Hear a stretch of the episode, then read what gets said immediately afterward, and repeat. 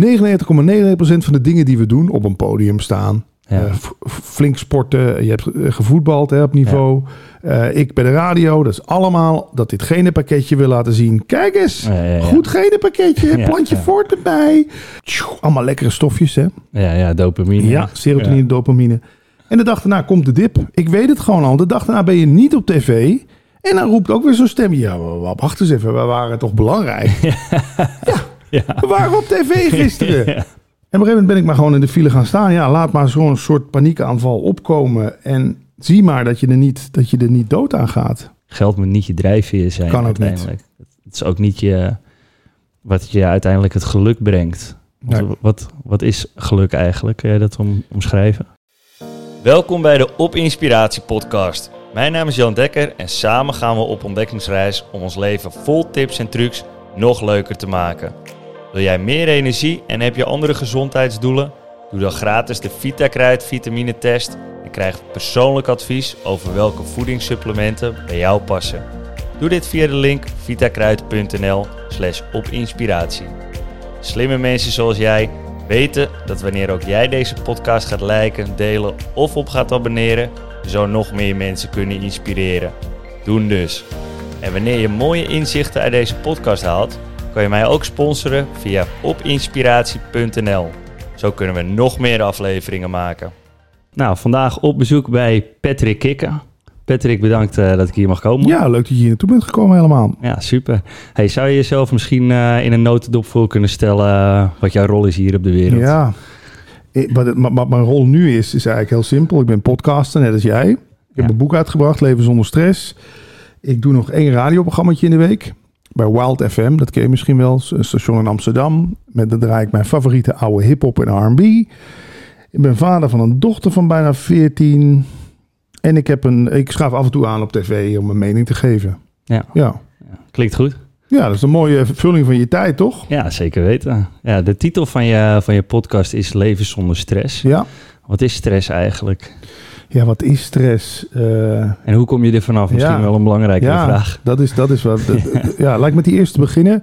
Stress is eigenlijk heel simpel samen te vatten tussen eh, of er is iets wat we niet willen, of er is iets niet wat we wel willen. Hè? Er is Ja. dus eigenlijk met hoe het is en wat, eh, hoe we willen dat het is, daar zit hem een discrepantie. Je bent leraar Nederlands, hè, dus ik gebruik graag mooie Nederlandse woorden. Een discrepantie. Dat, dat klikt niet helemaal in elkaar of zo. Nee. Ja, hoe kom je er vanaf? Ik dacht eerst ook, nou, dan moet, dus, moet ik alles in mijn leven kloppend zien te krijgen. Ja. Maar ja, dat is onbegonnen werk. Daar ben ik wel achter gekomen. Want ik bedoel, dat zag je vanmiddag ook alweer. Onze afspraak liep wat uit. En weet je, en als ik me dan heel erg had vastgehouden... of misschien na jou nog twee afspraken had... ja, dan had me dat stress opgeleverd. Zeker. Dus van tevoren ook logisch nadenken. Van, ja, maar wacht, tijdtechnisch zou het wel kunnen... dat ik om zes uur weer met iemand heb afgesproken. Maar er hoeft maar dit te gebeuren Ja, klopt. en het loopt mis. Ja. Dus ja, vooral... Ja? Dus die controle, die heb je eigenlijk niet. Nee, ja, dat inzien en weten dat je, dat je wel, door logisch nadenken, soms dingen kloppend kan maken. Maar ja, vaak zijn de dingen gewoon van zichzelf al kloppend. Ja. Ja, dus je ervaart eigenlijk dat je eigenlijk geen controle hebt in het leven. Nou ja, daar komen we meteen bij mijn, mijn favoriete filosofie non-dualiteit uit. Daarin wordt inderdaad gesteld dat de vrije wil eigenlijk maar een verzinsel is. En dat ik weet dat dat heel erg ehm indruist tegen alles wat ons geleerd wordt. Maar als je het leven nou eens iets meer al kan zien als iets wat jou gewoon gebeurt, Ja. waarin jij je rol speelt, maar het is van zoveel factoren afhankelijk dat je niet helemaal zo zelf kunt bepalen wat je rol is en hoe je die rol speelt. Ja, dat geeft al heel veel rust. Ja. En hoe weet je zeker dat er eh, geen vrije wil is? Er zijn natuurlijk tal van onderzoeken. eh, Ja, klopt. De, nou, er is zo'n beroemd onderzoek, dat ken je ook. Hè, dat voordat ik nu dat glas drinken pak, Ja. eh, is er al een breinactiviteit ja. in mijn hersenen. Wat ertoe leidde dat ik dat glas iced tea ging pakken. ja, dat konden ze in zo'n onderzoek in de kamer ernaast al zien, zeg maar, dat die hersenprikkel al geactiveerd Ja. werd en dat je dan pas iets ging doen. Dat je dan ging handelen. En dan zou je Ja. nog kunnen denken, oké, maar ik heb daarvoor die beslissingen gemaakt. Maar ja, ik durf daar wel aan te twijfelen. Ja, ik zeg ook niet dat er geen vrije wil is. Ik vind de mooiste stelling eigenlijk gewoon, er is geen en wel vrije wil tegelijkertijd. Ja, Want daar kan het denken niks mee. Ja, maar het moet één van de twee zijn. Nee, het is het allebei. Dan, dan lost ook meteen de vraag op, weet je wel? Echte non-dualiteit. Ja, precies. Echt non-dualiteit. Maar het, het heeft mij in ieder geval heel veel rust gebracht. Dat, ik, dat heel veel dingen me ook gewoon gegund zijn. En heel veel dingen me ook gewoon overkomen zijn. Ja, ja ik denk dat het ook belangrijk is inderdaad om, uh, om te leven uh, met het idee van vrije wil. Want psychologen die zeggen ook dat het idee van vrije wil, dat je die hebt, dat dat al gelukkiger maakt. Hmm, ja. Dus ik denk dat dat inderdaad wel een belangrijke toevoeging is. Absoluut. Het is een collectieve afspraak waar we ook niet onderuit moeten proberen te komen. Ga maar eens tegen een rechter zeggen: ja, meneer de rechter, uh, ik heb die man niet vermoord. Het gebeurde gewoon. Ja, daar zien ze je al mee aankomen. Hè? Ja. Dus dat is het niet. Maar het, ik vind het al een spannend idee dat je er überhaupt aan mag twijfelen. Dat vind ik, of dat, er, dat je er anders naar mag kijken. Dat vind ik al leuk. Ja. Ja, en uh, om even terug te komen op uh, je leven zonder stress uh, podcast. Je hebt er veel mensen uitgenodigd hier. Ja. veel experts. Ja, ook. Voornamelijk. Wie, wie kon je nou het meest helpen met het inzicht wat tegen stress te doen? dan moet ik denken, en dan hoop ik dat ik zijn naam goed uitspreek. Pieter, Pieter Wijtenburg heette die zo. Nou, hij is in ieder geval, je hebt geen stress, je hebt angst. Hij wees heel erg dat er onder stress nog iets anders zit. Er zit angst. Angst voor afwijzing.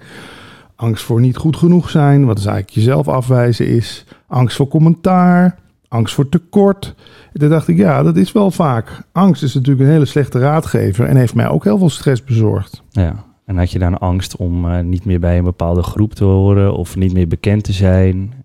dat is natuurlijk, als je op het moment dat je wat bekender wordt, is dat de grootste angst. Dat zie je in alle artiesten ook. Die zijn bang, staan ze op nummer 1. Oh, ik ben naar nummer 2 gezakt. Wat nu? Wie staat er nu op nummer 1? Dat is een grote angst. Uh, ik heb vroeger in mijn jeugd wel met mijn vader wat, wat, wat te steggelen gehad, om het mij zo, zo te zeggen. En die dreigde altijd met, ja, als jij zo doorgaat, ga jij het huis uit. Dus ik heb altijd het idee, als ik mensen te veel ben, dat ze met huis uit gaan zetten. Ja. Ik vind, ja, dat heeft toch ooit hier geplant? ja, dat, en dat loop je dan mee rond. Ja. En ja, zo heb je nou, ja, angst inderdaad om niet goed genoeg te zijn. Ja, dat soort dingen. Ja. Beetje de basale dingen waar je ego je graag mee terroriseert. Ja, en, en uh, om voor de kijkers, luisteraars even uh, in JP Janneke uh, taal te omschrijven. Wat is het ego precies, waar we het over hebben? Ja, daar zijn heel veel verschillende omschrijvingen van. Ik zie het meer als een soort dorp deelpersoonlijkheden. Weet je, ik, ik heb Patrick, filantroop. Die deelt aan iedereen cadeaus uit. Jij krijgt straks ook nog een goodiebag voor de reiskosten. Yes. Ja, dat is toch superleuk. Ja. Maar er is ook Patrick Gierigaard, die ook op de loer ligt. En stel nou dat wij niet zo'n leuk gesprek zouden hebben... dan weet ik zeker dat Patrick de Gierigaard opkomt. Je gaat die man toch geen, geen goodiebag geven. Die deed allemaal stom tegen je, weet je wel. Dan krijg je die interne dialoog. Ja, precies. Ja, Dus ik geloof er wel in dat, dat er eigenlijk niet... dat er van ons een soort van heel veel versies zijn... die, die constant ja, tegenstrijdig zijn aan elkaar. Ja. Patrick de Luiaard en Patrick die wel zin heeft om de schouders eronder te zetten. Patrick de Lievert, Patrick de Klootzak. Ze zijn er allemaal. En hoe, hoe activeer je nou bijvoorbeeld zo'n uh, zo'n Patrick die wel aan zijn podcast wil, ja. die, die, die bedrijvig is, die ondernemend is? Hoe activeer je die nou? Uh? Ja, eigenlijk door naar die anderen niet te luisteren. Dat is, klinkt makkelijker dan het is, maar ze zijn er natuurlijk allebei. En op een gegeven moment heb ik het idee, het zijn een soort jammerende kinderen. En als je de een op een gegeven moment geen aandacht meer geeft dan lijkt het wel alsof die stem, die negatieve stem, een beetje uitdooft en die ja. andere op de voorgrond komt. Ja. Het is een kwestie van er doorheen beuken. Ja. Maar ja, als je weinig geslapen hebt, je weet het ook, of je, of je zit niet lekker in je vel, of je hebt ruzie met je vriendin, ja, dan lijkt het wel alsof die, die negatieve stemmetjes hun, hun kans grijpen. Ja, ja. ja je, zegt, uh, je zegt er doorheen beuken. Uh, dat is natuurlijk een manier. Jan Geurtje gebruikt ook bijvoorbeeld een manier. Die, die zegt weer dat je moet uh, omarmen. Ja. Dat je moet verwelkomen. Ja. Hoi, wat leuk dat je er ja, bent. Bedankt voor je advies. Ja, ja, ja. ja, ja, doorheen beuken bedoel ik ook niet zo van kapot maken. Want dat lukt toch niet. Maar meer, ja, toch een soort stap sneller zijn of zo. Je er niet door laten overmeesteren in ieder geval. Ja. Eigenlijk dan dat hij je net niet te pakken krijgt of ja. zo, weet je wel? En hoe, hoe word je daar nou bewust van? Dat je, dat je daarin zit in die soort... Uh, visueuze cirkel maar negatieve gedachten. Dat je in één keer denkt van, hé, hey, ik zit er nu in. Ja. Hoe, kom ik er, hoe, hoe word je daar nou echt bewust van, van dat moment? Ik heb eens een mooie oefening gehoord die, die mij helpt. Alles met een heel gek stemmetje hardop gaan zeggen. Weet je wel, zo van... eh, Ah, ja. Nou, nou, nou, dat heb En je weer... ja, een, en een vervormde stem. Ja, ja, precies. Nou, dat heb je weer goed gedaan, hè? Ja, nou, Ja. nou, lekker. God, wat ben je toch... Dat je ook gaat inzien, wat is dat eigenlijk voor een gekke Muppet Show? Ja. Waarom, waarom luister ik daar eigenlijk naar? Weet je wel, Ja. dat is, dit is kinderlijk. Dat is, hier hoef ik niet naar te luisteren. Maar het is een kwestie van alert blijven. Ja. Ja, wanneer ben je alert? Of een naam geven. Gebruiken ze ook nog wel Oh Ja, eens. klopt, ja. Van, eh, daar komt eh, Patricia weer. Ja, is- Oh, ja. ben ik toch moe? Ja, maar ben ik toch moe? God, god, oh god, kijk mezelf nou eens. Ja. Dat helpt al, ja. ja, dan ga je er inderdaad weer met, met, met meer luchtigheid naar kijken. Want dat is het. Uiteindelijk ja, is, het, is het allemaal maar... Het zijn maar, geda- het zijn maar gedachten hè, die zich aandienen. En waar staat geschreven dat je dat allemaal zo serieus moet nemen? Ja. Ja. En heb je nog wel eens eh, situaties in, eh, in het dagelijks leven dat je denkt van nou, hier, eh, hier ervaar ik nog wel stress voor. Voor die situatie die komen gaat bijvoorbeeld. Grote mensenmassa's, heb ik nog wel eens... Na mijn laatste burn-out, dat is vaak als je een burn-out gehad hebt, word je toch, tenminste in mijn geval, wat gevoeliger hè? voor supermarkten, drukte. Maar ik ben bijvoorbeeld zaterdag nog naar een festival geweest. En ik kon heel goed tegen de drukte, kwam ik daarachter. Maar waarom kon ik daar nou wel goed zijn? Omdat de muziek niet al te hard stond. Toen dacht ik, ja, het is dus bij mij ook auditief. Ah ja, Mijn oren zijn wel een soort, door mijn radiowerk, een soort van mijn instrumenten geworden. Dus als als ergens het geluid vervormt, of het staat te hard, dan triggert dat bij mij een soort vecht- of vluchtreactie. Ja. Weet je, ik wil dat fixen, maar ik kan het niet fixen, want ik sta niet aan de knoppen. ja, En dat is heel gek. Dus ik merkte, oké, het zit hem dus niet zozeer in mensenmassa's. Het is eerder eh, de geluidsoverlast die je ook in supermarkten meemaakt. En de, ja, in, in, in, bij, bij festivals en discotheken ook natuurlijk. ja. En hoe ga je daar nu mee om? Heel simpel, ik heb oordoppen bij me. ja, nee, dan scherm ik me maar gewoon af. Ja, Kijk, want dat is natuurlijk wel, je wil situaties fixen die niet te fixen zijn. Je komt in de file terecht, daar heb ik vroeger ook altijd veel problemen mee gehad. Ik moest weg kunnen. Weet je, ook zo'n vluchtreactie. En dan reed ik over zandpaadjes en mijn hele auto onder de bagger en de stront. Maar ik was niet in de file terechtgekomen. Wel twee uur later thuis. en op een gegeven moment ben ik maar gewoon in de file gaan staan. Ja, laat maar zo'n soort paniekaanval opkomen. En zie maar dat je er niet, dat je er niet dood aan gaat. nee. Nee, je zegt, eh, je zegt dat je in een burn-out terecht bent gekomen. Wel meerdere volgens mij. Ja. Hoe, eh, hoe voorkom je die dan nu? Ja, hoe voorkom je dat? Nou ja, ook weer alert zijn. Er is natuurlijk ook een stemmetje in ons dat de hele tijd zegt... meer, meer, nog meer interviews, nog meer radioprogramma's. Oh, je moet nog meer met je kop in de krant. Ja, dat is die, bijna dat stemmetje wat jou eh, de, de afgrond weer induwt. Ja, Daar heb ik lang genoeg naar geluisterd.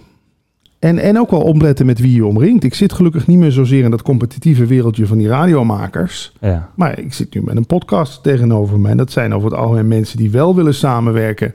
Hè, jij bent niet, komt hier niet al opscheppend binnen om te zeggen... nou, maar weet je wel hoeveel luisteraars ik heb? ja precies. Ja, Ja, ja. en dan moet ik me weer gaan verdedigen naar jou toe. Ja, ja, ja. Dan krijg je zo'n eh, ego-strijdje. Van eh, de, de aap op de rots. Ja, Wie is precies. het alfamannetje? Ja, wie is hier het alfamannetje? Ja, Ja. Nou, gelukkig is dat niet het geval. Nee, dat merk ik wel in die wereld inderdaad. Ja. Dat je niet zo'n eh, ego-gedreven strijdje krijgt. Nee, het is, het is gewoon echt een ontmoeting. Nou, en in de radiowereld is het toch vaak... Hmm, ja, tegen jou doe ik niet al te leuk, want jij bent op mijn radioprogramma uit.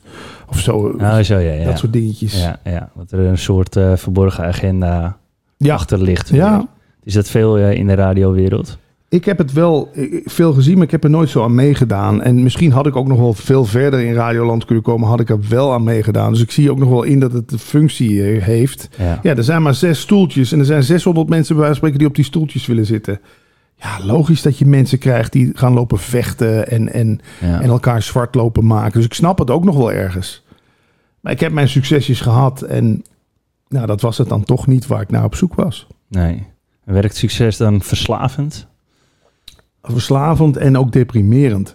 Weet je, ik weet echt, dan ben ik de ene dag bij RTL Boulevard te zien geweest met een itempje over een of andere radiocolumn die ik geschreven had. Tjoe, allemaal lekkere stofjes, hè? Ja, ja, dopamine. Ja, serotonine, dopamine. En de dag daarna komt de dip. Ik weet het gewoon al. De dag daarna ben je niet op tv. En dan roept ook weer zo'n stem. Ja, wa- wacht eens even. We waren toch belangrijk? Ja. We waren op tv gisteren. Ja. Waarom is dat nu niet? Nou, vroeger ging ik dan maar gewoon hetzelfde sms'je naar tien vrouwen sturen. In de hoop Dat En ik- iemand even reageert. even hapte, want dan voelde ik me weer belangrijk. En nu weet ik gewoon, nou, dat is gewoon inherent hieraan. Daarom snap ik ook al die artiesten wel die op vroege leeftijd of ermee kappen of helaas doodgaan. Het is niet vol te houden, joh. Nee. Die dopamine rush. Die ene dag, je hebt op een podium gestaan voor 20.000 man en dan zit je alleen thuis op de bank. Nou, Ja. Ja, want dat schrijf je ook in je, in je boek Leven zonder stress. Ik vind het een mooi, eh, mooi praktisch boek. nou, dankjewel. Eh, schrijf je ook dat het opraakt na een tijdje, die dopamine. Ja, daar lijkt het wel op, ja. Ja. Of je, wordt, je brein wordt er minder gevoelig voor, zo de receptoren... Ja, eh, net zoiets als cocaïne. Ja. Als mensen daaraan zitten, hebben ze steeds meer nodig. Ja. Alcohol, hetzelfde verhaal. ja, Dat je steeds meer, ja, meer nodig hebt, eigenlijk. Ja. En ehm, nou, je hebt eh, ook een beetje een zoektocht eh, in, de, in de spiritualiteit. ja. Is, eh, is die zoektocht dan een soort van je geestelijke cocaïne? Of kunnen we dat niet zo omschrijven? Nou ja, daar moet je ook voor opletten. Het, Ja. het ego maakt eigenlijk van alles wat leuk en lekker is een verslaving, hè? Ja, Zelfs aan spiritualiteit kan je verslaafd raken. Ik hoor mensen die hebben honderd keer ayahuasca gedaan. Nu heeft het ook nog met dat middeltje te maken natuurlijk. Maar ik heb natuurlijk ook van deze interviews er wel 400... Ik heb al 400 mensen geïnterviewd. Dat je op een gegeven moment ook denkt, ja, is dat niet een keer genoeg geweest? Heb je nou niet de antwoorden gevonden die je zou willen vinden? ja, Dus daar moet je ook voor op de, op de loer... eh, of dat ligt ook op de loer, dat dat je volgende drug wordt inderdaad. ja precies, ja. Ja, ja, als je er niet te ver in doorslaat, dan kun je meer zien van ja, je bent nooit te oud om te leren. Dus is het ook fijn Ja. om in gesprek te gaan met Zeker, verschillende experts. En waardoor je verschillende invalshoeken krijgt. ja. En je ook niet een soort van tunnelvisie ontwikkelt van hé, hey, dit is de weg. Nee, het heeft zeker. Het, ik vind het dan nog de minst erge verslaving, een interviewverslaving. Maar nu is hij ook gelukkig, gelukkig is hij nu wel een beetje eh, ten einde. Ik, ik pik nog hier en daar wat, wat cherrypicking. Hè, wat ja, kerst. precies, ja. Ik denk, nou, dit lijkt me nog wel eens interessant. Ja. Maar wat jouw verhaal ook. Ik ga jou natuurlijk straks ook interviewen voor Leven zonder Stress, de podcast. En dan zie ik een aantal aanrakingspunten en denk, ja, dat, dat is interessant. Ja, ja. En, en heb je nu ook echt je rust gevonden? Of ligt er nog wel een, eh, een paniekaanval soms op de loer? Nee, want ik, kijk, ik heb wel het geluk dat ik mijn leven zo heb kunnen inrichten dat ik het ook kan voorkomen dat ik in situaties kom die, waarvan ik weet dat ik er gevoelig voor ben. Ja, Hè, eh, ik noem maar wat, eh, een drukke club op zaterdagavond. Ik ben gestopt met dat draaien. Dat Ja. was natuurlijk ook op een gegeven moment een stressfactor. Iedere keer laat in bed, je moet er naartoe rijden. Dus ik, ja, en wat, ja, wat, wat, wat brengt nog meer onrust? Ja, je, je hebt natuurlijk niet alles. Je kan niet alles nee, voorkomen natuurlijk. nee. Ik ben ook soms in Limburg bij mijn ouders en dan blijf ik daar een nacht of vier. Ja, ik kom echt wel kapot moe terug. Ga maar eens vier nachten bij je ouders slapen. Ja, allemaal prikkels. Ja, Ja, en wat denk je wat dat allemaal triggert? ja. Het zijn toch je ouders. Je wil je goed voordoen. Ja, je wil je toch je best een beetje voorzetten. Dat lukt twee dagen. Ja. Maar ja, soms denk ik ook wel eens, je moet jezelf natuurlijk, dat weet jij ook, je sport veel en zo, je moet jezelf ook niet te comfortabel maken. Nee, Want ik kan niet, ik kijk 500 documentaires per jaar. Ik kan er ook duizend kijken. Dan lig ik alleen maar hier op de bank documentaires ja, te kijken. ja, maar dat is voor je geestelijk gesteldheid ook niet goed. Nee, nee, dat krijg je ook. Er zijn ook psychologen die zeggen eh, bij binnenkomst bij hun eh, cliënten, dus stel- stellen ze de eerste vraag, sport je? Nee, dan ga dan maar weer weg. Kom ga- maar terug als je sport. Ja, zorg, dat doet natuurlijk heel veel met je brein, ja. ja. ja. En wat doe jij aan eh, beweging verder? eh, Ik wandel wel, ik fiets. nou ja, Maar daar is wel wat, daar is, daar is zeker nog winst te behalen, ja. ja, Ja. ja. En, en wat is de reden dat je zoveel documentaires eh, volgt? Ja. Nou, ik heb eens, kijk, ik, ik zie dit ding ook als een soort machine die gevoed wil worden. Hè? Ja. En als ik dit ding niet, niet genoeg voeding geef, gaat het zijn eigen spookverhalen verzinnen.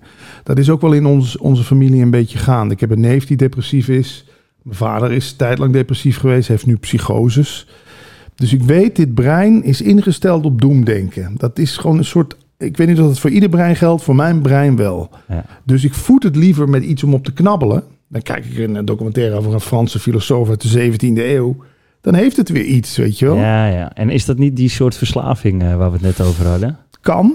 Ik merk wel dat, het, dat ik er rustig van word. En niet eens zozeer euforisch of zo. Want het zijn natuurlijk ook hele saaie documentaires. Ik vertraag Ja. van documentaires. Ja, Ja. ja, je hoeft even niet na te denken. precies. Ja. Je, dat is natuurlijk met alles. Hè. Je aandacht ligt daar. Ja, En zodra het, je aandacht weer hier ligt, ja, dan, dan, oh ja, dan start die machine weer op. ja, Ja, ja een happy mind is een quiet mind, zeggen ze dan wel eens. Hè? Absoluut. Ja, ja, dat is het ook vaak met, eh, met sporten natuurlijk, of met vissen. Nou ja, sommigen die denken dat ze, dat ze het dan doen om de vis te vangen, maar ja, ze hoeven even niet na te Ja, denken. je bent met je aandacht daar. Ja, ja, helemaal in het nu. Je hoeft even niks. Ja.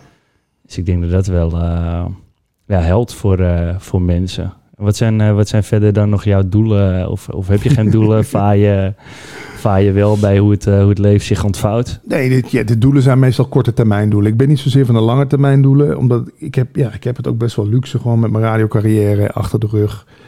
Eh, soms heb je nog wel eens doel, ik zou die nog wel eens willen spreken.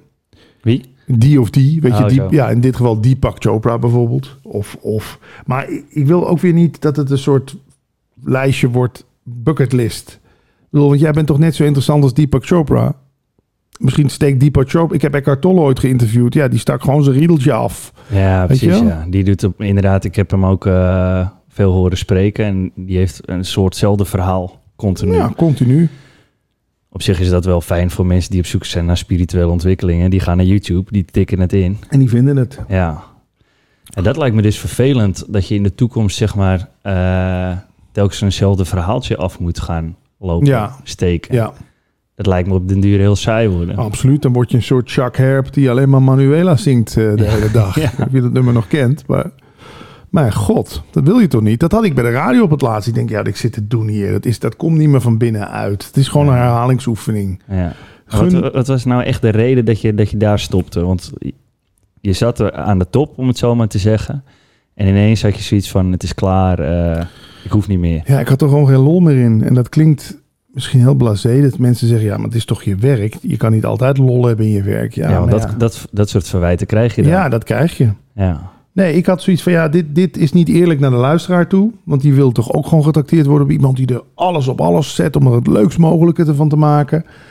Ja, en ik merkte zelf dat het me steeds meer energie kostte. Het kwam niet meer vanzelf. Ik vind Nee. dat dingen wel een beetje vanzelf moeten komen. Ja. Niet zonder dat je moet er wel moeite voor doen, maar het moet wel op een bepaalde manier uit je komen of zo. Niet dat je eruit moet trekken. Nee. Het is net als met een relatie die over is. Ja, ik zat daar natuurlijk ook al twaalf jaar bij, bij Veronica. Op een gegeven moment kun je ook niet meer verder groeien. Je hebt, iedereen kent je wel. Weet je, je, kent, je kende de tussentijd ook alles en iedereen. Gewoon geen nul uitdaging meer. Nee. En dan kun je wel denken, nou, voor de naam en de faam en het geld blijf ik het doen. Maar ik, ik kon dat niet. En in die tussentijd was ik natuurlijk ook al hiermee gestart met die podcast maken. En dat trekt me nog steeds, ja. Ja. En Maar- wat maakt het dan dat de podcast wel zo lang blijft eh, hangen? Ja, toch eh, diepgaander dan de radio. Op de radio moest ik roepen, hey, U2, fantastisch. Terwijl ik zelf helemaal niet van U2 hou, Ja. weet je. Maar dan moest ik het toch zeggen. En eh, er komen er weer drie. Ja, het moest altijd kort. Het werd steeds korter. Ja. Steeds meer creatieve beperkingen. Ja, bij podcasts heb ik toch het idee dat, dat ik een beetje zelf mag kiezen met wie ik praat, hoe lang ik Ja. praat en zo. Ja, zo ervaar ik dat ook hoor. Ik Ja. kan ook eh, mijn gasten uitkiezen. Zo voelt het echt. Hoe leuk is dat? Met wie heb je zin om Ja. in gesprek te gaan? Want je laat het naam, of je laat het woord interview vallen en er gaan heel veel deuren open ineens. Hè? Ja. ja, dat vind ik wel mooi eh, in dit wereldje, zeg maar. Dat je ook steeds meer leert. En eh, nou, daar hadden we het net natuurlijk voor dit gesprek al over. Dat je van iedereen wel een bepaald inzicht krijgt Ja, waar je, waar je wat mee kunt. De voorbereiding vind ik ook al leuk, want ik zit regelmatig zit ik thuis in, eh, in de tuin. Ben ik een boek aan het lezen. Ja. En dan komt een vriendin terug van, eh, van, eh, van haar salon. En dan zegt ze, en wat ben je aan het doen? Ik zeg, ja, ik ben weer keihard aan het werk. Ja, je? is wel zo. Ja. ja. het ligt gewoon lekker een boek te lezen. Ja, nee, Ja. Ik, ik- klopt. Nee, maar je ziet ook aan jou dat je het gewoon hartstikke leuk vindt om te doen. En dan, dan wordt het ook wat. En dat, dat voelen mensen. Denk ze, oh, nou, daar ga ik wel mee in gesprek. Die heeft er lol in of zo. Ja. Ja, ik denk dat dat heel belangrijk is inderdaad. En, eh, ook als je ja, nog op zoek moet naar je passie, om het zomaar te, te noemen. Het moet iets zijn wat je eh, op lange termijn leuk moet blijven vinden. Ja. Want sommige mensen, ik sprak bijvoorbeeld gisteren iemand, die zegt ja, ik wil heel veel geld verdienen. Maar die zitten dan in een business wat hij niet heel interessant vindt. Ja. Die zegt ja, dan ga je er nooit rijk mee worden. Want je houdt het misschien Ja. vier jaar vol, vijf jaar, maar er komt een moment dat je, ja. dat je ermee wilt kappen. En, en geld moet niet je drijfveer zijn Kan ook niet. Het is ook niet je, wat je uiteindelijk het geluk brengt. Nee. wat, wat is geluk eigenlijk? Kun je dat om, omschrijven? Ja, ik heb daar wel een, een vrij stellig antwoord op. Ik hoop niet dat je ervan schrikt. Maar ik zeg toch, geluk is wat je bent. Nou ja. En, en alles eromheen kan jou onwaarschijnlijk ongelukkig maken. Kan dat geluk een beetje vertroebelen. Eigenlijk de mooiste metafoor is toch de zon. De zon schijnt altijd. Wij zeggen nu vandaag, hé, hey, de zon schijnt niet. Tuurlijk schijnt de zon. Ja. Er zitten wolken voor. Die wolken is dan de metafoor voor de gedachten die jou ongelukkig proberen te maken, zullen we maar zeggen. Maar het geluk is, als je kijkt naar een baby, is het toch een en al geluk. Ja. Dat, je komt als geluk ter wereld. Alleen ja, het wordt op een bepaald moment komen er dingen die, die dat geluk een beetje gaan afdekken of zo. Ja. En we denken dat we geluk uit de wereld moeten halen. Maar ik ben er toch achter gekomen dat geluk iets is wat je meebrengt hier naar het feestje. Weet je, ik ben geluk, jij bent geluk. En samen brengen we het mee hier naar dit gebeuren. Ja. Nou, als je het een beetje van die kant bekijkt, heb je ook sec niet altijd allemaal die dingen nodig die je dan zogenaamd gelukkig maken. ja, ik vind het wel een mooie metafoor met de, Met de zon. de zon en Ja. de wolken. Toch zijn baby's eh, niet altijd gelukkig. kunnen ook flink huilen. Ja, maar ja, de vraag is of ze dan... Eigenlijk is dan dat huilen, maar dat geluk blijft als een soort constant op de achtergrond. Wordt even door dat huilen een soort van overgenomen. Maar is daarna weer... De basisinstelling is toch Ja. geluk. Ja. En hoe zorg jij ervoor dat je gelukkig bent? Ja, gelukkig vind ik dus een slap aftreksel van geluk. Ik ben liever geluk, gewoon altijd. Gewoon, ja, basic. Ja, Zonder Maar- gedachten, daarom kijk je de documentaires. Ja, ja, nee, ja, ik ben wel heel, ik ben wel heel bezig. Dan, oké, laten we het dan inderdaad daar naartoe, ja, waar je je aandacht op legt. Gewoon toch constant proberen je aandacht, eh, nou niet weg te houden, want dan lijkt In het het ook, moment. ja, wat zich nu aandient. Nu ben ik het gesprek. Ja. En ik, ik merk, zodra ik ga denken aan iets, als ik gedachten ga, naar gedachten ga luisteren, ja, maar eh, je auto moet nog gekeurd worden. Of eh, de buurvrouw zei vanmorgen geen goeiemorgen. Ja, dan hup, ben ik uit het Ja. moment. Zit ik met, want voor problemen heb je een verleden en een toekomst nodig. In, in het nu, dat is dat beroemde nu. In het nu is eigenlijk nooit wat aan de hand. Ja. ja, inderdaad. Er is niet echt een probleem eigenlijk. Alleen het is meer het overdenken wat het probleem is. Ja. Je ma we maken feitelijk zelf van dingen een probleem. Ja. En tuurlijk, als ik nu mijn been zou breken, dan zou, dan, maar dan zou je eigenlijk neutraler naar kunnen kijken. Het been is gebroken ja. en het gaat gezet worden. ja.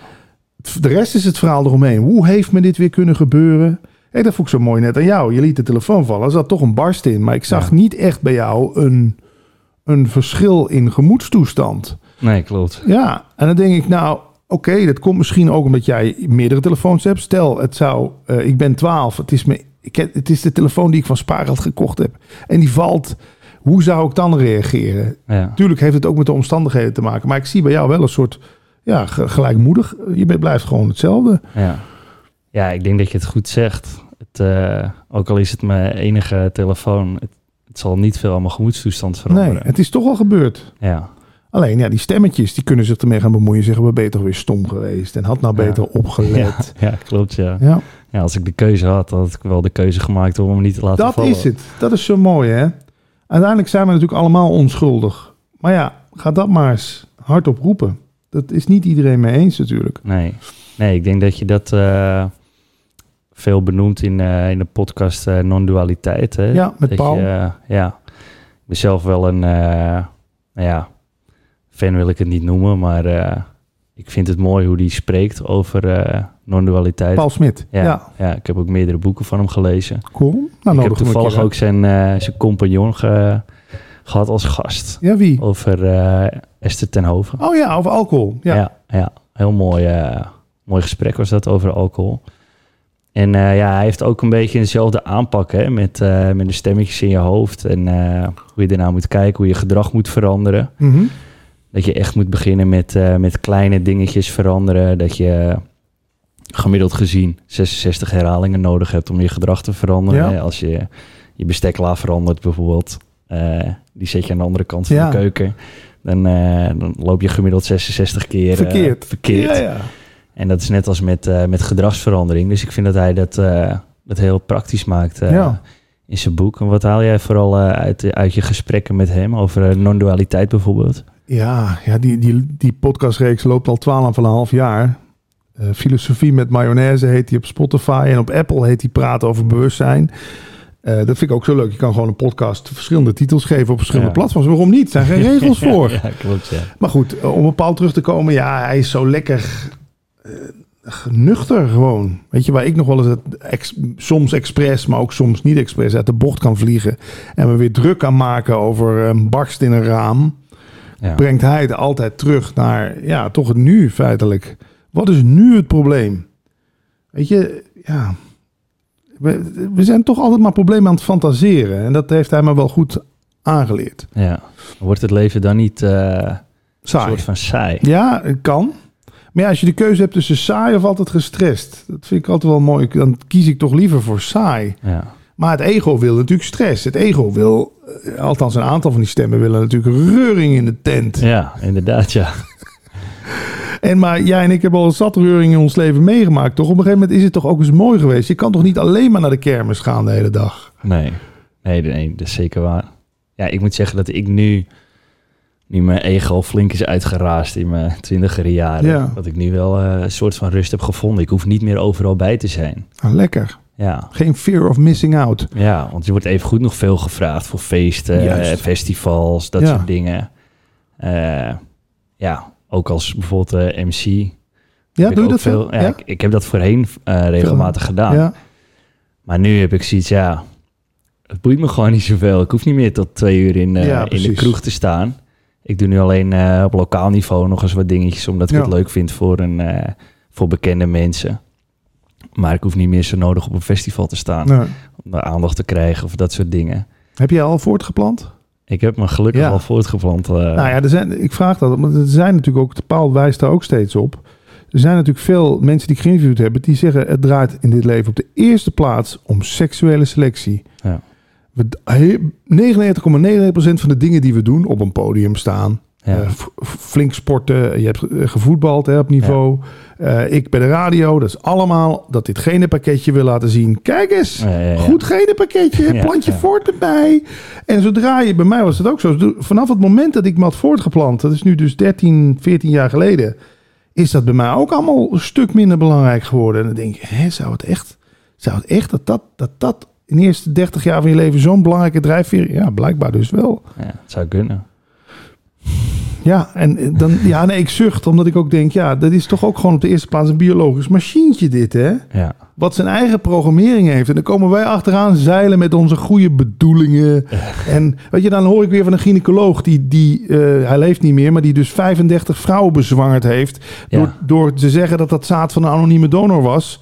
Ja, ik kan die man bijna niet kwalijk nemen, want dat apparaat heeft gewoon een kans gezien om zichzelf zo enorm, ja, mogelijk voor te planten. Hup. En dan praat ik het niet mee goed, hè. Maar ik denk dat dit de kracht van... Dat onderschatten we, de kracht van de biologie in ons lichaam.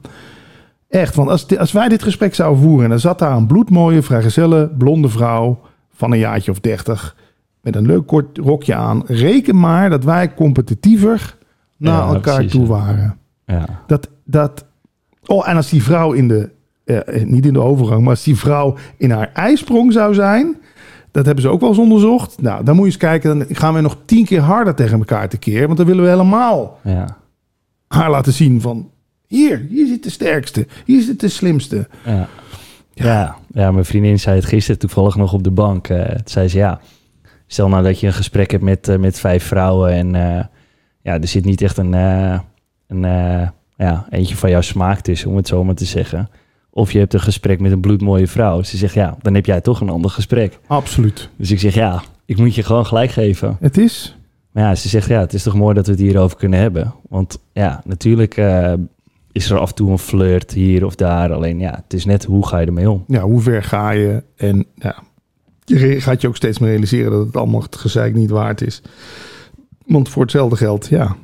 Heb je, ik- dan, wat ik dan hoor van zo'n Douwe Bob... die had toch drie vrouwen tegelijk die zwanger van hem waren. Ja, volgens mij twee. En hij had al een kind bij een Ja, andere vrouw. Volgens ja. mij was dat, ik weet niet Ja. zeker, maar Maar in ieder geval toch dat je denkt...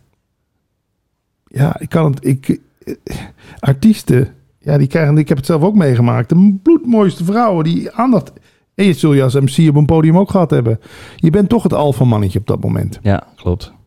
Ja, dat is gewoon zo. Ja. Ja. Hey, even terug naar je non-dualiteit.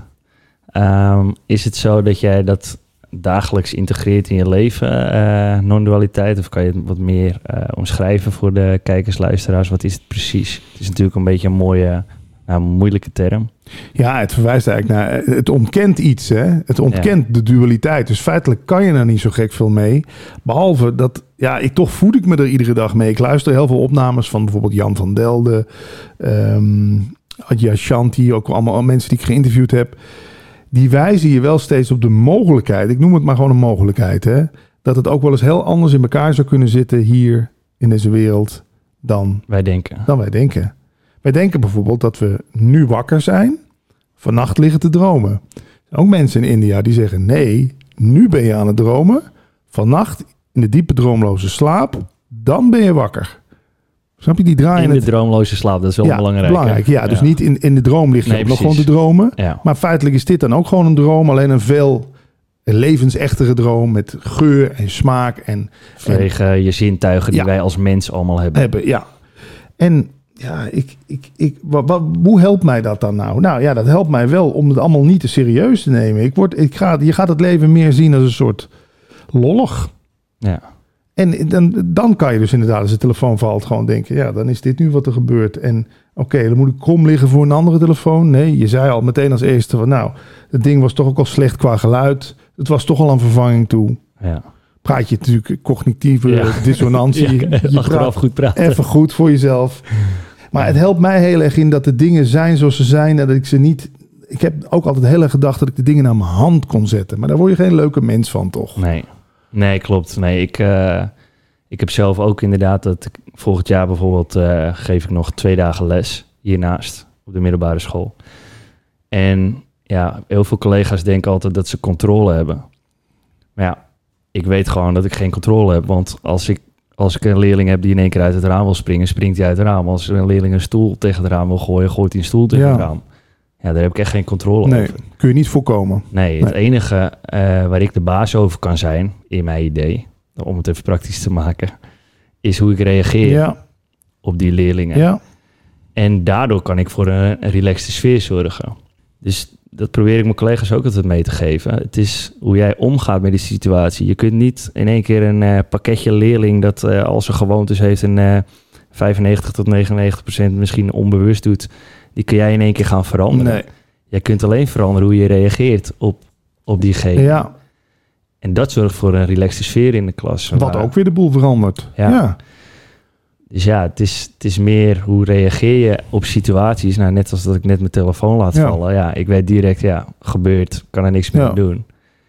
Ja, dat, dat is met, met het hele leven zo. eh. Maar weet je dat dan zelfs op dat moment hoor ik bij mij een heel klein stemmetje, waar ik dan ook maar gewoon om moet lachen, die zegt ja, zie je nou wel, je had een grote tapijt moeten kopen. want als je, want je hebt toen staan twijfelen, zal ik deze nemen of nog, als hij nou had nou een grote tapijt, dan had het ding net op het tapijt, was het niet stuk. Weet je, dat, dat Ja, kan. ja. Kijk, ik heb een heel associatief brein, wat gewoon, dat, dat heb, daar heb ik best wel veel aan in dit soort interviews, want ik kan altijd wel weer een nieuwe antwoord of een vraag verzinnen. ja. Maar het, het kan dus ook associëren de kant op dat het denkt... zo, dan gaan we lekker Patrick de schuld in de schoenen schuiven... dat, dat de telefoon van Jan kapot is gevallen. Want Ja. jij had hier tapijt moeten neerleggen. Ja, het is natuurlijk waanzin. ver? Ja, maar ja. Kijk, fantasie is een eh, groot goed. Ja. Daardoor kan je ook boeken schrijven en podcasts maken. Weet ik wat allemaal. Maar Ja. Het, ja, het kan ook zich tegen je keren. Ja, en zeker in, in het brein en je lichaam die erop reageert. Want ook als jij bijvoorbeeld eh, een, een film kijkt... Ja, je, je lichaam weet niet of het echt gebeurt of niet. Juist. En dat maakt het natuurlijk heel interessant. Ja. Want je, je reageert op eh, eh, angst. Ja, Hè, ga je helemaal in mee, je hart gaat, eh, gaat zich Ja. versnellen. Dus als mensen dat ook leren, dat, ze, dat, dat de realiteit, dat het lichaam en het brein het vaak het onderscheid niet kent ja. daartussen, nou, dan wordt het leuk spelen in het leven. Absoluut. Er zijn goede oefeningen voor. Weet je, als, als ik nou voor de grap tegen jou zeg: hey, ik hoor net van de buurvrouw dat je auto in de fik staat. Dan voel je al, wow, Ja. de Ja. maar ik ruik nog niks. Maar, en dan, oh nee, Ja. grapje. Ja, grapje. Ja, leuk. het lichaam was al in alle staten. We wilden al naar buiten rennen met een emmertje water. Ja. Ja, daarom kunnen we inderdaad gewoon zo. Weet je nog dat van The War of the World, zo'n hoorspel wat ze hadden uitgezonden in de jaren twintig op de radio? Het ging er dus over dat de aliens eraan geland waren. Er waren dus mensen echt in paniek de straat opgerend en de, de aliens zijn gekomen. Ja, het was een toneelstuk op de radio, maar het was zo levensecht gemaakt. Ja. Iedereen geloofde het. En ja, het is ook wel mooi dat we er zo met z'n allen in kunnen trappen, maar Nou, je kan er dus voor kiezen om er niet meer in te trappen. Ja, en, en hoe krachtig is het brein dan eigenlijk? Absoluut. Ja, het is Ja. echt... eh, je kan zelfs met, met oefeningen voor je vinger... is er ook eh, bijvoorbeeld gemeten dat je spierkracht... als je alleen maar denkt dat je vinger bijvoorbeeld... eh, dat je die beweegt... dan wordt de spierkracht al eh 20% vergroot... als je dat vier weken, eh, drie maal per dag gaat doen. Ja, In gedachten alleen al. ja, ja. ja. Of voetballers. Dat zijn voetballers die op weg naar de wedstrijd kijken ze beelden van een hele goede voetbalwedstrijd. Ja, En er is dus van gezegd dat je daar toch een paar procent beter van wordt. ja, is natuurlijk ook wel logisch. We kijken ook heel veel van elkaar af natuurlijk. ja. Ik werd ook beter als radiomaker. Ik luister ook heel veel bandjes uit Amerika en eh, allerlei dingen van, van wat ik dacht, wauw, als ik daar toch ooit eens aan zou kunnen tippen of zo. ja. Ja, Ja, ik herken het wel hoor. Ik ben eh, nu na mijn voetbalcarrière, om het zo maar te noemen, ben ik eh, gestart met tennissen. Ik kijk ook heel veel beelden op YouTube. Hoe beweegt iemand Ja. nou? En je slaat het onbewust toch heel erg op eh, hoe iemand zich ja, beweegt over het veld, Ja. iemand slaat. Dus ik denk dat je eh, daar veel meer van leert dan wij eigenlijk denken. Ja. Je programmeert jezelf. Maar andersom denk ik ook, als ik zo'n heel seizoen van House of Cards gezien heb, ken je die serie? Ja. Ja, ik werd ook een beetje slinkser en manipulatiever, merkte ja, ik. dat je toch wat eh, gaat overnemen ervan. Ja, Ja, en daarom snap ik dat er op games en zo, dat er wel allemaal ook waarschuwingen op staan en, en, en leeftijd, leeftijd voor een bepaald soort films. Want zeker als kind. Ja, het is natuurlijk een en al imitatie. Ja. ja, ze zegt het ook vaak over eh, eh, patiënten met eh, ernstige ziektes in het, in het ziekenhuis. Geeft ze vaak als advies om veel comedy te kijken. Ja, veel met vrienden om te gaan. Dat het gewoon het proces heel veel verbetert. Om, om inderdaad eh, ja, je immuunsysteem te boosten. Hè? Net Ja. zoals met eh, bijvoorbeeld een, eh een placebo-pil. Als je alleen maar een pil die niet werkt Ja. erin gooit, dan werkt het al. Ja. Omdat je lichaam daarmee bezig is. wat zei een huisarts tegen mij na mijn eerste burn-out? Die zei, joh, wat vond je vroeger leuk om te doen? Ik zeg, ja, stripboeken lezen en tekenfilms kijken. Zegt hij, dan ga dat doen. Stripboeken lezen en tekenfilms kijken. Ja. Als remedie voor Ja. een burn-out. Ja, Weet je, Ja. en natuurlijk zei hij ook wandelen, zwemmen, wat vond je nog meer. Maar dat, er moet er weer eens wat lucht in je leven komen, zei hij. Je bent de zaken veel te serieus aan het nemen. En hij had gelijk. ja. Heel seizoen van Family Guy gekeken, Simpsons. Ja, ik begon weer een beetje lol erin te krijgen, weet je wel. Ja. ja. Terwijl een ander misschien zou zeggen, nou ga maar aan de, weet ik wat je allemaal voor pillen hebt, om, om te st- om te ontstressen. Ja, ik denk dat dat wel een goede is inderdaad, om te ontstressen, om weer eh, even terug te komen op het leven zonder stress. Mhm. Om even te kijken naar van wat vond je vroeger nou leuk om te doen. Ja, Hè? Kijk, eh, ik heb jarenlang gevoetbald. Ik zit nog steeds in een zaalvoetbalteam met mijn vrienden. Ja, dat vond ik als kind ook al leuk. ja, En dat doe ik nu nog steeds. ja, je glundert ook als je het zegt. Dat Ja. zie ik aan je. En wat dat betreft denk ik, we worden wel ouder. Dit lichaam wordt wel ouder. Maar wat wij van binnen, wat zich daar afspeelt, is toch eigenlijk een soort tijdloos. Hè? Ja, Ik was vroeger ook al, eh, vond ik praten met mensen ook al leuk. En ik was in de klas ook altijd al de entertainer en, en de, die de grap, die de sfeer goed wilde maken. En, en ik schreef graag. En ik was bij Nederlandse les. Iedereen, niemand wilde voorlezen. Patrick was natuurlijk stak, stak zijn hand op. Ja, Ja. dat zat er gewoon allemaal al in. ja. Dus ja, waarom dat dan de rest van je leven eh, onderdrukken of zo? Omdat je nu niet meer kind bent? Ja. ja ik denk dat dat inderdaad een eh, mooie is om even praktisch te vertalen. Eh, dat je goed gaat kijken naar je kwaliteit en wat je leuk vindt. Hm. Eh, inderdaad, wat jij zegt, het presenteren zat er al vroeg in. Nou. Op basis dus, dus bijvoorbeeld van het voorlezen voor de klas. Ja, podium pakken. entertainen van Ja. mensen. Dat je dat daar ook niet voor moet weglopen. Hè? Want je zou ook kunnen vervallen in de gedachte... ja, moet je mij nou weer zien? Ik ga het podium Ja, weer pakken. Ja, ik moet weer dat is natuurlijk nodig. weer een valkuil. Ja, klopt. Ja, valkuil. Ik vind van Paul, je bent ook fan van Paul Smit, zei je net. Kijk, pijn, pijn is er niet voor niks. Op het moment dat het een beetje pijn begint te doen, weet ik eigenlijk van oké, hier ben ik inderdaad aan het overdrijven of zo. Hè? Want ik kan inderdaad doorslaan. Het is, want het is bijvoorbeeld tegenwoordig met social media heel makkelijk om eh, ja, likes te scoren, om aandacht te krijgen. Je hoeft maar als iedereen A roept, zelf B te roepen. Ja, En je pakt sowieso al, weet ik het, 100 likes. Want er zijn altijd mensen die tegen ja, draad zijn. ja, ja, klopt. Ja, zeker. En, dat, en daar pro- probeer ik een beetje voor te waken. Weet je, ik vind soms namelijk ook A. En dan moet ik niet, maar... het Per se bezig. Ja. Nu vind ik vaak ook B interessanter dan A. En dan ga ik dus ook denken van nou, dan gaan we B eens onderzoeken. Ja. Maar het moet geen trucje worden inderdaad. Dat zie je ook wel veel bij columnisten en vloggers. En vooral mensen op Twitter. Zijn het nergens mee eens. Overal mee oneens. Weet je wel, dan zijn we ineens met z'n allen voor de boeren. Zijn zij tegen de boeren. Ja. Iedereen is tegen Mark Rutte. Zijn zij ineens voor Mark Rutte. Ja, ja, dat merk je toch wel veel in de maatschappij, merk ik, over welk onderwerp het nu ook eh, gaat. Je moet ergens bij horen, terwijl ik denk, ja, ik hoef helemaal nergens bij te horen. Nee. Ik kijk gewoon naar de argumenten. En de ene keer vind ik daar wat voor te zeggen. ja. De andere keer vind ik daar wat voor te zeggen. Maar het is niet zo dat ik me ergens bij wil aansluiten. Want dan moet je je ook aan het complete verhaal vasthouden Ja. of zo. En blijven verdedigen. Het is eigenlijk heel onvolwassen gedrag. Hè? Ja. Group belonging. Ergens bij willen horen. Bij een cultuurtje. Maar dat, dat is natuurlijk ook met personen zo. Want als je praat bijvoorbeeld over eh, president Trump. Ja, mensen die... Dit, Paul Smit die zei dat mooi in zijn boek volgens mij. Mensen die willen zoveel mogelijk energie besparen. Want als zij moeten zeggen... eh, ja, Trump die, die doet Ja. dit goed, dat goed, dat goed, Ja. dat goed. Maar dit en dit en dat doet hij niet goed. En dat kost veel energie. Ja. En mensen zijn ingesteld om energie te besparen. Te- Zeker het brein, ja. Ja, precies. Om te overleven. Ja, ja. En, en als we dat nu gaan beseffen van, nou ja, zo zijn we nu eenmaal ingesteld. Hè? Dat is ons default Ja, system, network. als het ware. Eh, dan hoef je niet meer te zeggen van, ja, hij is een, een klootzak of ja, hij is een topper. Ik heb echt zoiets, ja, ja, dit heeft hij misschien goed gedaan. Ja, eh vrouwonvriendelijke opmerking, ja, niet handig. Nee. Weet je, het, ja, maar het is niet zo dat iemand alleen maar slecht is of alleen maar goed. Nee.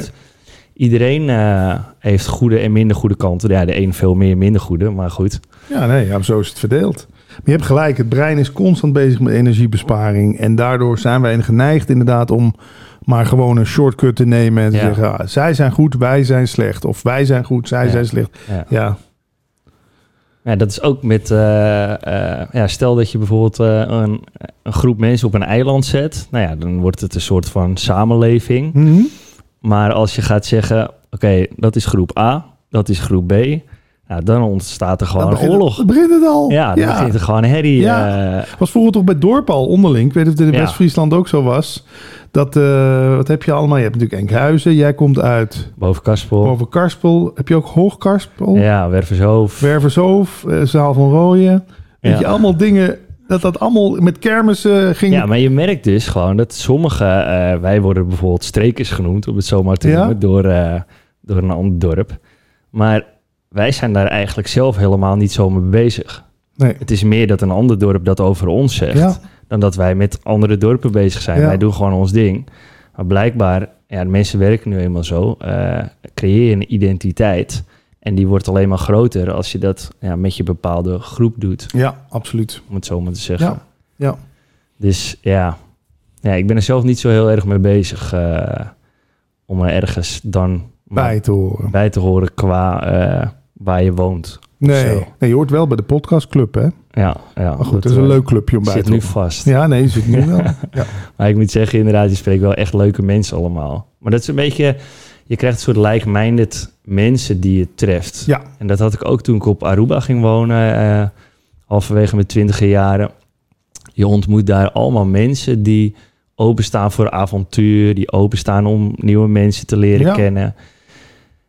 Ja, dat bevalt me gewoon heel erg goed, dat soort eh, gesprekken. En dit ook eh, mensen die openstaan voor verdieping over bepaalde zaken, inzichten delen of eh, verwerven. ja. Het is ook leuk, want je ontmoet elkaar van de 100 mensen die je spreekt, ontmoet je 90 waarschijnlijk maar één keer. En Ja. toch heb je een hartstikke leuke middag, leuke ontmoeting, leuk gesprek. Is inderdaad wat te vergelijken met vakantie, wat jij zegt. Vakantie kom je ook soms een avond, heb je het helemaal leuk met iemand Ja. en die zie je nooit meer daarna. Ja, klopt, ja. Ja, en dan krijg je daar van, eh, ja, we gaan contact houden. ja, ja, we maar ja. spreken. Ja, maar komt dan toch niet. Maar dat is Nee. niet ook helemaal niet erg. Je Nee. hebt wel uiteindelijk dat gesprek. En hier wordt het ook nog eens bewaard. Dus dat is dan helemaal Ja. leuk. Ja, klopt. Ja. Ja, nou ja, over bewaren gesproken. Laten we inderdaad eh, bewaren, dit gesprek. Ja, Ik eh, ga hem afronden. Ik Is vond het goed. een heel erg leuk gesprek. ik ook. En eh, we gaan nog iets opnemen voor Leven zonder stress. Ja, dus eh, dan Ja. gaan we de rol omdraaien. Ja, leuk. Oké, nou, hartstikke bedankt. Jij ook, Jan. Tof dat je mee op inspiratie was. Wil jij ook nog meer afleveringen luisteren? Sponsor mij dan via opinspiratie.nl.